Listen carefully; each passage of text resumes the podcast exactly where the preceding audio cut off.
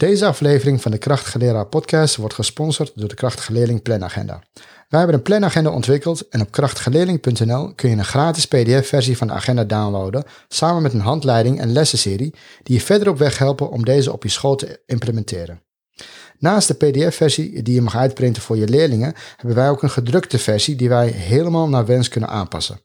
Bel ons op 020 362 6962 of ga naar krachtigeleerling.nl voor meer informatie.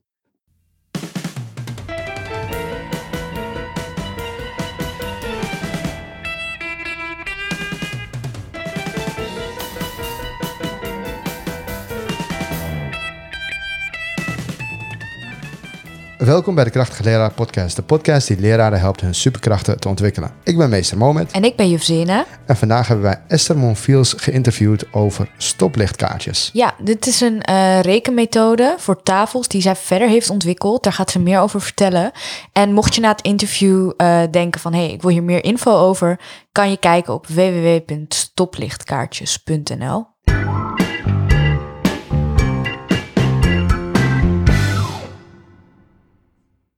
Welkom Esther, bedankt uh, dat, je, uh, dat we je konden bellen en interviewen. Um, zou je jezelf even kort kunnen voorstellen? Ja, nou bedankt dat we elkaar konden spreken. Mijn naam is, is Esther Molveld en ik ben orthopedagoog leerproblemen. Ik heb vroeger ook voor de klas gestaan en ik, ik hou me op dit moment bezig met onderzoeken en hulp bieden aan kinderen die leerproblemen ervaren. Uh, maar ik ben ook bezig met het ontwikkelen van uh, onderwijsmateriaal. En over een van die dingen gaan we het vandaag hebben. Ja, want we gaan het hebben over de tafelmethode met stoplichtkaartjes die je uh, eigenlijk onlangs hebt ontwikkeld. En wij waren benieuwd van waaruit dit idee is ontstaan. Nou, wat, wat, wat goed is om te weten is dat ik deze methode niet ontwikkeld heb. Um, deze methode is ontwikkeld uh, in het einde van de vorige eeuw, dus dan heb ik het over uh, 1980 uh, tot 1990 zo'n beetje, door Elste Roesting van Iterson.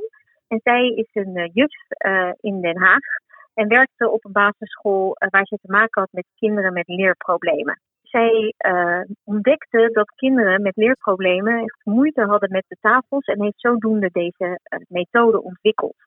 Ik ben in 2003 haar collega geworden en ik studeerde op dat moment ook orthopedagogiek. En vond het zo ontzettend leuk, omdat wat ik in theorie eigenlijk een beetje vanuit de universiteit meekreeg, vertaald te zien in zo'n praktische tool. Nou, in 2008 is Els met pensioen gegaan en heeft zij mij het stokje uh, overgedragen uh, van deze methode en toestemming gegeven om dit verder door te ontwikkelen en uh, aan de man te brengen. En vooral dat laatste, want het is Els wens dat zoveel mogelijk kinderen hier geholpen mee zijn. Kan je ons uitleggen hoe de stoplichtkaartjes uh, werken? Ja, nou wat, waar, waar, het eigenlijk om gaat is dat er een heel klein responsinhibitiemodel achter zit. Dus dat je even nadenkt voordat je doet. Um, waarbij we van uitgaan van het verhaal van een stoplicht. Als, je, als het stoplicht op groen staat, dan uh, mag, kan je makkelijk doorlopen. En op het moment dat het stoplicht op oranje staat, uh, dan is het doorlopen uh, wat minder uh, makkelijk. Want je moet eerst even kijken of het nog wel mag. Hè. Als je halverwege bent, dan mag je gauw je oversteekbeurt afmaken. Maar anders moet je even inhouden. Maar als stoplicht op rood, betekent dat je moet stoppen. Nou, dat vertaalt zich in de tafelmethode met stoplichtkaartjes naar dat de groene kaartjes voor de makkelijke tafel staan. De oranje kaartjes staan voor de iets moeilijkere. En de rode staan voor de moeilijkste tafels. En daarmee moet je dus echt eventjes nadenken voordat je doet. Nou, dat betekent dat ik kinderen dus eigenlijk eerst de makkelijke tafels uh, aanleer. En die makkelijke tafels, dat zijn de groene kaartjes. En die worden dus vertegenwoordigd door de één keer, bijvoorbeeld twee, één keer twee. Dat kun je kinderen laten zien. Dan leg je een groepje blokjes neer. En dan kun je ook heel makkelijk die uh, vertaling maken naar tien keer twee. Want dan laat je zien wat dat betekent. En 5 keer 2 is de laatste groene. Die, dat is de helft van 10 keer 2. Dus dan liggen er 10 blokjes. Nou, wat we kinderen uh, leren, is dus eigenlijk aan de hand van concreet materiaal um, eerst na te denken over die stappen die ervoor liggen. Dus um, wat ik ook altijd doe, als kind, voordat ik met kinderen begin te tafelen, is dat ik eerst de halveringen en verdubbelingen oefen, de splitsingen en wat erbij en eraf sommen. Want dat is natuurlijk de basis ehm, van het kunnen tafelen. Die, er is voorkennis nodig, ook bijvoorbeeld om vanuit het principe van herhaald optellen eh, die tafels te begrijpen. Nou, op het moment dat ik dat dus eerst heb aangeboden aan kinderen, dan ga ik het verhaal vertellen over het stoplicht. En dan leg ik die eerst dus die groene kaartjes neer met concreet materiaal en later ook zonder. En dan vraag ik de kinderen om gewoon de antwoorden te geven eh, op deze manier. Eh 1 keer 2, 10 keer 2, 5 keer 2. 1 keer 2, 10 keer 2, 5 keer 2. Ik leg dat voor ze neer en ik wijs dat bij. Dus dat, dat kunnen jullie nu niet eh, zien natuurlijk, omdat dat iets is wat, waar je naar moet kijken. Maar kinderen zien dat dus voor zich liggen in, in die kaartjes. Nou, op het moment dat ze dat snappen, ga ik zeggen van hé, hey, eh, 2 keer 2 ligt één groepje van die 1 keer 2 af. Dus dat is één groepje meer. Daar moet je even dat denkstapje voor maken. Dus daar moet je voor weten, oh ja, 1 keer 2 is 2, dan moet er dus het weer 2 bij. En dan weet ik 2 keer 2 is 4. Nou, zo ligt er naast elk groen kaartje een oranje kaartje. Dus naast de 10 keer 2 ligt een oranje kaartje voor 9 keer 2. Want 9 keer 2 is 10 keer 2 en een groepje van 2 eraf. En naast de 5 keer 2 ligt ook een oranje kaartje voor 4 keer 2 en een oranje kaartje voor 6 keer 2. En daar geldt ook dat groepje meer of minder principe. Nou, en uiteindelijk komen daar de rode kaartjes voor 3 keer, voor 7 keer en voor 8 keer bij.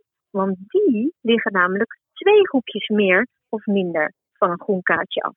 En daar moet je dus wat langer over nadenken en niet zomaar een antwoord roepen. Nee, echt even goed nadenken. Oké, deze, dit is, een, een- dit is drie keer 2. Die kan ik uitrekenen via 1 keer 2, 2, 2 keer 2, 4. En dan komen er nog twee bij. 3 keer 2 is 6. Maar ik zou hem ook kunnen uitrekenen via 5 keer 2, 5 keer 2 is 10, 4 keer 2 is 8, 3 keer 2. Op die manier geef ik kinderen dus zeg maar een kapstok. ehm, waarop ze die tafels kunnen eh, ophangen. En dat is niet nieuw. Want meerdere methodes werken met kapstokken, ankerpunten. Ehm, je ziet in meerdere methodes dat één keer, vijf keer, tien keer eh, een, de ankerpunten zijn. Wij keren dat dan in deze methode om. Maar je ziet bijvoorbeeld in andere methodieken ook terugkomen. Hè, dat, dat verdubbelen een, een, een, eh, een strategie is. Dus als kinderen twee keer twee weten, dan, weten ze, dan kunnen ze dat verdubbelen naar vier keer twee en naar acht keer twee. Daar wordt in verschillende methoden anders mee omgegaan, op een iets andere manier aangeboden. En soms ook beide. Uh, en in die zin sluiten wij daar met deze methode uh, aan bij wat uh, er in de klas gebeurt. Door eigenlijk een visueel systeem te bieden bij wat je, wat je handelingen zijn als je nadenkt over het antwoord op de tafel. En waarom nou op deze manier? Nou, het viel mijn collega Els en mij ook toen ik me erin ging verdiepen op, dat kinderen soms gewoon zitten te wachten totdat een antwoord in hun gedachten vloept.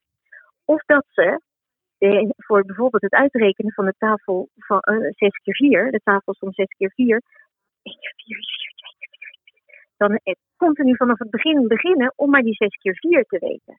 Nou, dan moet je dus met ankerpunten gaan werken en kinderen laten nadenken um, over wat ze doen. En ze denksturende vragen aanleren van oké, moet 6 keer 4 uitrekenen. Hé, hey, die ligt naast 5 keer 4. 10 keer 4 is 40, 5 keer 4 is de helft, dat is 20. En een groepje van 4 erbij is 24. Is dus het antwoord op 6 keer 4. En dat is zeg maar de denkstap en de structuur die we kinderen dan willen aanleren. Zodat zij ook goed die tafels kunnen leren. Ja. Nou, ik heb nu natuurlijk heel veel verteld, maar ik heb dit ook op handige filmpjes op mijn website uh, staan, waarin ik zeg maar voordoe hoe je die kaartjes moet neerleggen, welk kaartje je dan toevoegt en hoe je dan met je aanwijsstokje um, moet, moet meetikken. Um, het principe is dit, je stapt voor elke tafel uit vanuit een, groen, vanuit een groene tafel naar de tafel die je wil uitrekenen en je stapt weer terug. Dus bij het aanwijzen, uh, stel dat uh, een kind de som 6 keer 4 uh, wil uitrekenen, dan begin ik bij 5 keer 4 is 20, 6 keer 4 is een groepje A, dat is meer, dat is dus 24 en we stappen weer terug naar 5 keer 4 is 20. Waarom zie je dat terugstappen? Ja, dat terugstappen doen we omdat we kinderen die structuur weer terug willen krijgen naar die, naar die kapstok. Later, als kinderen die tafels enigszins een beetje goed kennen, dan laten we dat terugstappen achterwege. Dan stappen we alleen nog maar uit. Oké. Okay. Dus dan gaan we wel bijvoorbeeld in één keer van 6 keer 4 naar tien keer vier terug. Maar dan tikken we niet nog een keer de vijf keer vier aan. Maar in het begin, als de kinderen die, die ankerpunten, hè, die, die, die groene kaartjes willen laten verankeren, dan stappen we daar altijd weer terug. Want dat moet een kapstok zijn op basis waarvan ze weten waarop ze tafels kunnen uitrekenen. En ik had ook nog een vraag over um, het concretiseren. Want je zei aan het begin moeten ze de basis kennen. Dus optellen, uh, halveren en dat je dat dan ook concreet maakt. Um, staat, mm staat er ook in de methode beschreven hoe je dat zou moeten doen? Of is dat eigenlijk meer de taak van wat je vooraf moet doen voor je de methode gebruikt? Nee, ook op, op, op die website vind je informatie om, voor het trainen van die voorwaarden. Dus dat noem ik de voorwaarden om te kunnen tafelen. Is er zijn eerst een aantal dingen die eerst moeten. En daarom is er ook op de website een rubriek dit eerst. En in die dit eerst rubriek vind je dus allerlei uh, materiaal om um, om die voorwaarden te trainen. Dus het splitsen, het halveren, het verdubbelen en erbij, erbij en eraf sommen. En dan heb ik me wel beperkt op bij de materialen die ik deel met, um, met de gebruikers tot de som erbij en eraf sommen die in de tafels voorkomen. Dus als je de tafel van 2 hebt, dan heb je natuurlijk 0 er bij 2, 2 er bij 2, 4 er bij 2, 6 er bij 2. Ik, een, een, een, ehm, een som die er bijvoorbeeld niet tussen zit is 17 plus 2. Want dat is geen enkel, die som die leidt niet tot een antwoord die in een van de tafels zit. Ja. Dus um, daarmee beperk ik me wel daartoe. En is het ook onderdeel van, uh, van de hulp die je biedt. Kijk, op het moment dat een kind bij mij in de praktijk komt en die heeft moeite met het leren van de tafels, dan check ik eerst dus die voorwaarden. En als daar nog problemen zitten, dan ga ik eerst daar oefenen. En de ambassadeurs, want de, ik heb um, nu een groep van 50 ambassadeurs die ik getraind heb, specifiek uh, om hulp te bieden aan kinderen in de één op één begeleiding. Dus dat zijn uh, gerenommeerde RT'ers of kindercoaches. Die heb ik ook um, zeg maar getraind zodat zij dit goed kunnen overbrengen. En deze methode ook goed kunnen aanleren. En zij kijken ook eerst naar dat wat er eerst als voorwaarde um, geboden moeten worden voordat je aan die tafels kunt beginnen. Bij rekenen is het namelijk zo dat uh, rekenvaardigheden die stapelen op elkaar. Om het een te kunnen heb je kennis van het ander nodig. Dus het zou in die zin heel gek zijn als ik dat niet mee zou nemen in de beschrijving van, mijn, uh, van onze methode. Ja. Het zelf. Dus vandaar dat daar ook zeker heel veel materialen voor te vinden zijn. Oké, dat is fijn. Goed om te weten. Hoe onderscheidt uh, de tafelmethode zich van huidige methodes die vooral worden gebruikt voor het aanleren van de tafels? Nou, ik, zei, ik zei net al, hè, van God is ook zeker wel een overlap. We werken met ankerpunten en die verdubbelingen, dat zie je in heel veel methodes terug. Wat je niet ziet, is, is, is um, dat koppelen aan een visueel kader. Mm uh, want, en, hè, dus velo gebeurt er dan uh, verbaal, er wordt op verschillende manieren wordt er ingeoefend. Um, maar het visuele de ondersteuning, dat is denk ik waar we onderscheiden. Maar daarnaast staan we ook heel erg uitgebreid stil bij um, die zelfsturende vragen. We willen namelijk dat die kinderen um, op een gegeven moment zelf bedenken van oké, deze tafel ah, die bevindt zich tussen de vijf keer en de tien keer. Ah, het, is, zes keer, ligt dichter bij de vijf keer. Die weet ik bam bam en dat die denkstapjes snel gemaakt worden. Um, ik, kan, ik heb niet het idee, uh, want ik, kan, ik, ik weet er eigenlijk ook niet uh, uh, heel veel over of dat op die manier ook gebeurt in methodieken. maar ik denk dat vooral met, het, met die visuele ondersteuning, dat wij daar wat meer mee bieden. Dat neemt niet weg dat dit um, dan alleen een methode is die voor visueel ingestelde kinderen is, want dat is um, in die zin niet waar, want juist door dat we het visueel ondersteunen, maar ook verbaal door hardop zeggen en, en, en hardop blijven benoemen. En door heel veel te doen, want ik geef ook heel veel uh, spelsuggesties waarbij kinderen uh, eigenlijk bewegend leren, um, wordt, wordt het beste ingeslepen. En daar is vanuit de, de theorie ook wel veel e-, evidentie voor dat input op die drie verschillende kanalen het beste werkt. Mhm. Ja, want uh, daar wilde ik net ook een vraag over stellen. Uh, welke theorieën en wetenschappelijke inzichten zijn onderliggend aan de methode van de stoplichtkaartjes? Dus je noemde al dat, dat visuele en het bewegen, dus het inspelen op die verschillende manieren van leren. Dat dat al mhm. bewezen is. Maar zijn er ook nog andere theorieën waarvan je gebruik maakt in je methode? Nou ja, er zit dus, hè, ik, wat, wat ik net uitlegde, dus um, dat visueel, auditief en, en dat, dat ervaren, leren door ervaren en doen, dat zit erin. Dat responsinhibitiemodel zit erin. Dat even nadenken voor, voordat je doet. Er zit een stukje zelfreflectie in waarvan we weten dat dat bijdraagt aan, aan leren. Dus het stukje van stel jezelf de denksturende vragen. Maar wat ook goed terug te zien is in, door, in de verschillende fasen die wij hanteren in onze methode, is dat je daar eigenlijk ook heel mooi de overgang in ziet van het talent naar structurerend, naar mentaal vermenigvuldigen en consolidatie. En misschien is dat goed om eventjes toe te lichten, want kinderen leren, uh, zeg maar aan het einde van groep 4 moeten leerlingen een vermenigvuldiging kunnen herkennen in sommen. Dat is een beetje zo hoe het in de meeste, meeste methoden wordt aangeboden. En ook moeten ze dan het principe kennen van herhaald optellen. En dat moeten ze kunnen omzetten um, naar de keernotatie. En dan is er eigenlijk een, een overgang van tellend vermenigvuldigen, waarbij je, waarbij je nog in dat herhaald, herhaald optellen zit, naar structurerend vermenigvuldigen. Nou, dat zie je allebei terug in, in die methode, want op het moment dat je die structuur gaat aanbieden, wordt er niet meer stap voor stap geteld, maar wordt er een tussenstap, dus een structuur gebruikt. Dus dan bijvoorbeeld zo'n som als 6 keer 7 bijvoorbeeld, wordt dan uitgerekend um, via 5 keer 7, dat is 35. En daar doe je dan 7 bij. Hé, dat is 42. Nou, dat komt in, uh, in deze methode terug. En je gebruikt daarmee dus die kapstokken. Hè? Um, en bij ons zijn dat dan de 1 keer, 10 keer, 5 keer. Maar uiteindelijk moet er natuurlijk worden toegewerkt naar wat we mentaal vermenigvuldigen noemen. En dan moet je die tafels uit je hoofd kennen. En dat noemen we memorisatie. En deze fase loopt dan door tot eindgroep 5. En aan het einde van groep 5 verwachten we van leerlingen dat ze die tafels beheersen. Omdat ze in groep 6 dan gaan consolideren. En dat betekent eigenlijk niks minder dan dat het goed verstevigd wordt door veelvuldig inoefenen.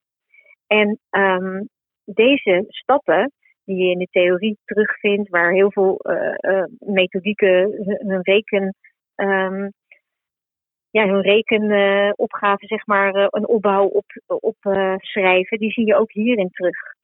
In hoeverre en op welke manier sluit de methode aan bij kinderen met speciale behoeftes? Nou, zoals ik al zei, de methode is bedacht door Els Roesing van Iterson in een setting waar zij werkte met kinderen met leerproblemen. Dus vanuit die setting is, is deze methode ontstaan.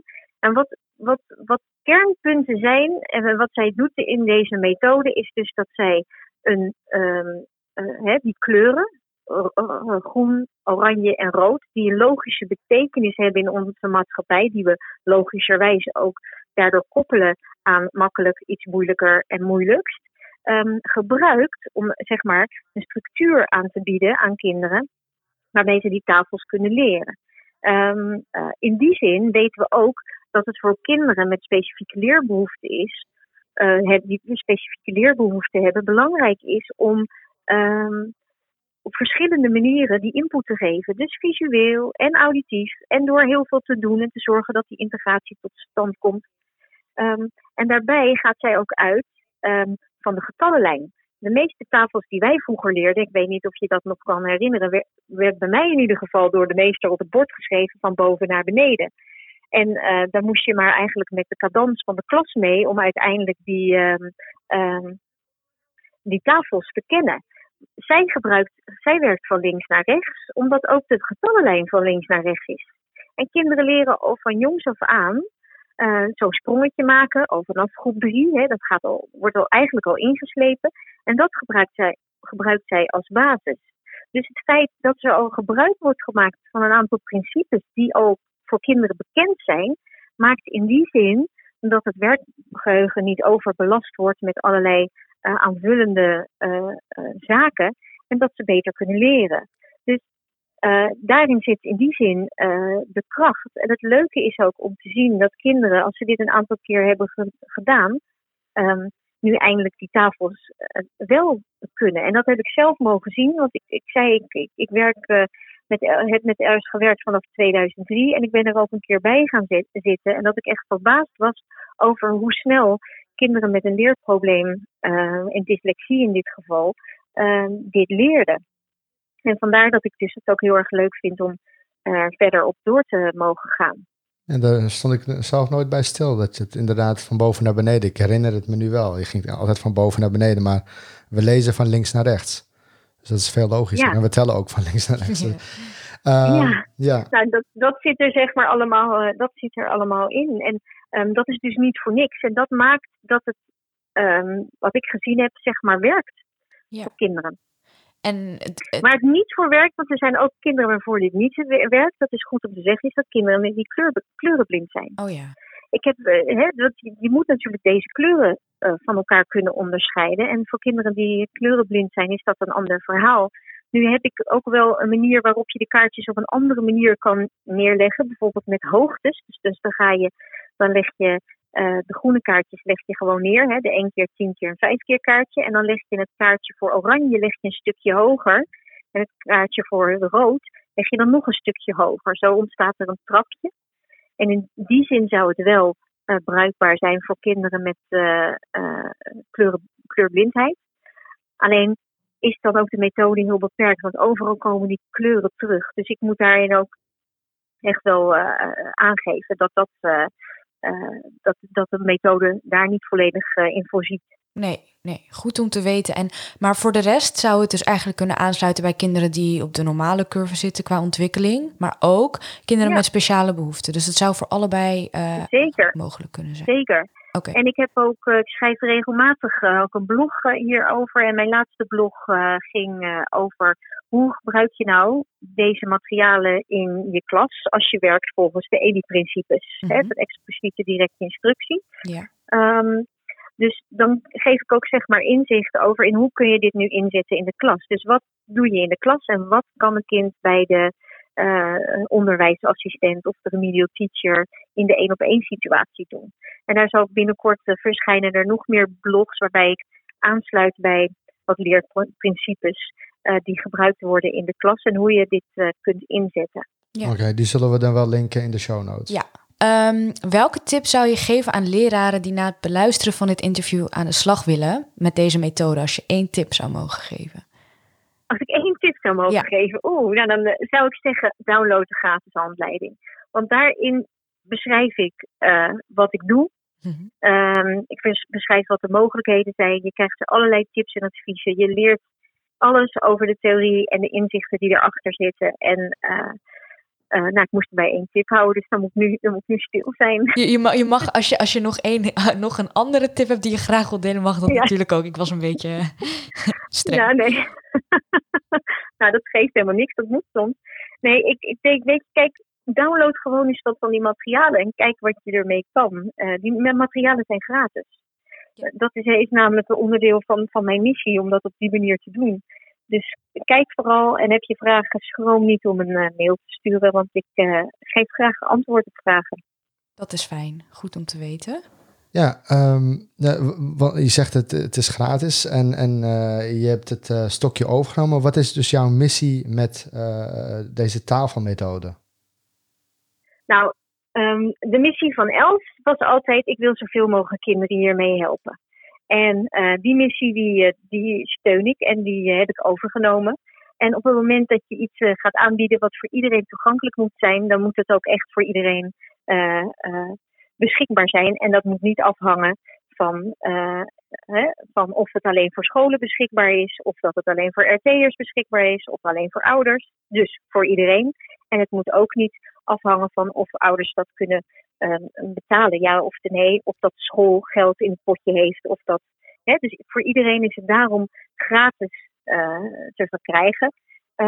Je, er zijn een aantal dingen waar, uh, waar wel geld voor gevraagd wordt, maar dat is de scholing. Maar de materialen, uh, die zijn eigenlijk gratis te downloaden voor iedereen. Um, en die vul ik ook regelmatig aan. Um, ik zelf zorg iedere keer voor het nieuwe aanwas van aanvullingen. Um, en die, die, krijg, die maak ik op basis van wat ik terughoor van mensen die het gebruiken. Maar er zijn bijvoorbeeld ook, hè, ik zei al, ik heb 50 ambassadeurs. Dat zijn een, getrainde professionals in deze methode. Die kind, niet alleen kinderen hier helpen, maar mij ook ondersteunen met mijn missie. En zij uh, maken ook materialen.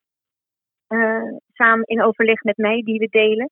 En zo wordt het zeg maar een heel care and share netwerk uh, in, met betrekking tot deze methode voor het leren van de tafels.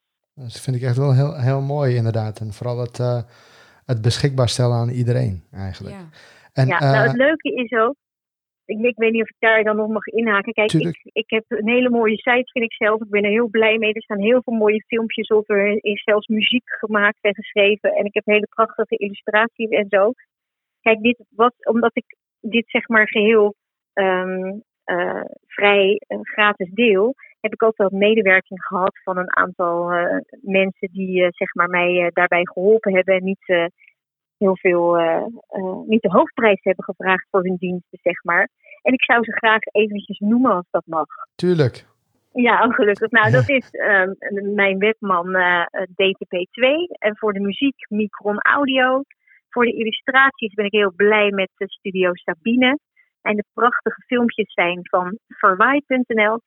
En de foto's die binnenkort eh, op de site worden gezet van de materialen die je zelf kunt maken, uh, zijn van uh, fotografie Lavinia. Dus dat vind ik wel even goed om te, om te vermelden, want zonder hun uh, hulp op deze manier was het niet gelukt om zoiets moois neer te zetten. Ja, en, en al dit moois, wat is de website waar ze het allemaal kunnen vinden? Nou, dat is heel makkelijk, want het heet tafelmethode met stoplichtkaartjes. Dat is een beetje lang als URL. Maar als URL, maar wat het, daarom is www.stoplichtkaartjes.nl. En daar vind je op dit moment uh, meer dan 240 gratis downloads en je kan er een handleiding aanvragen. Nou, kijk. Nou, www.stoplichtkaartjes.nl. We zullen alles uh, linken in de show notes. Uh, wil je heel erg bedanken, Esther. En we vinden het heel erg mooi wat je hier hebt gemaakt en, waar je verder op borduurt. En um, nou, wil je gewoon heel erg bedanken. Graag gedaan. Jullie ook bedankt.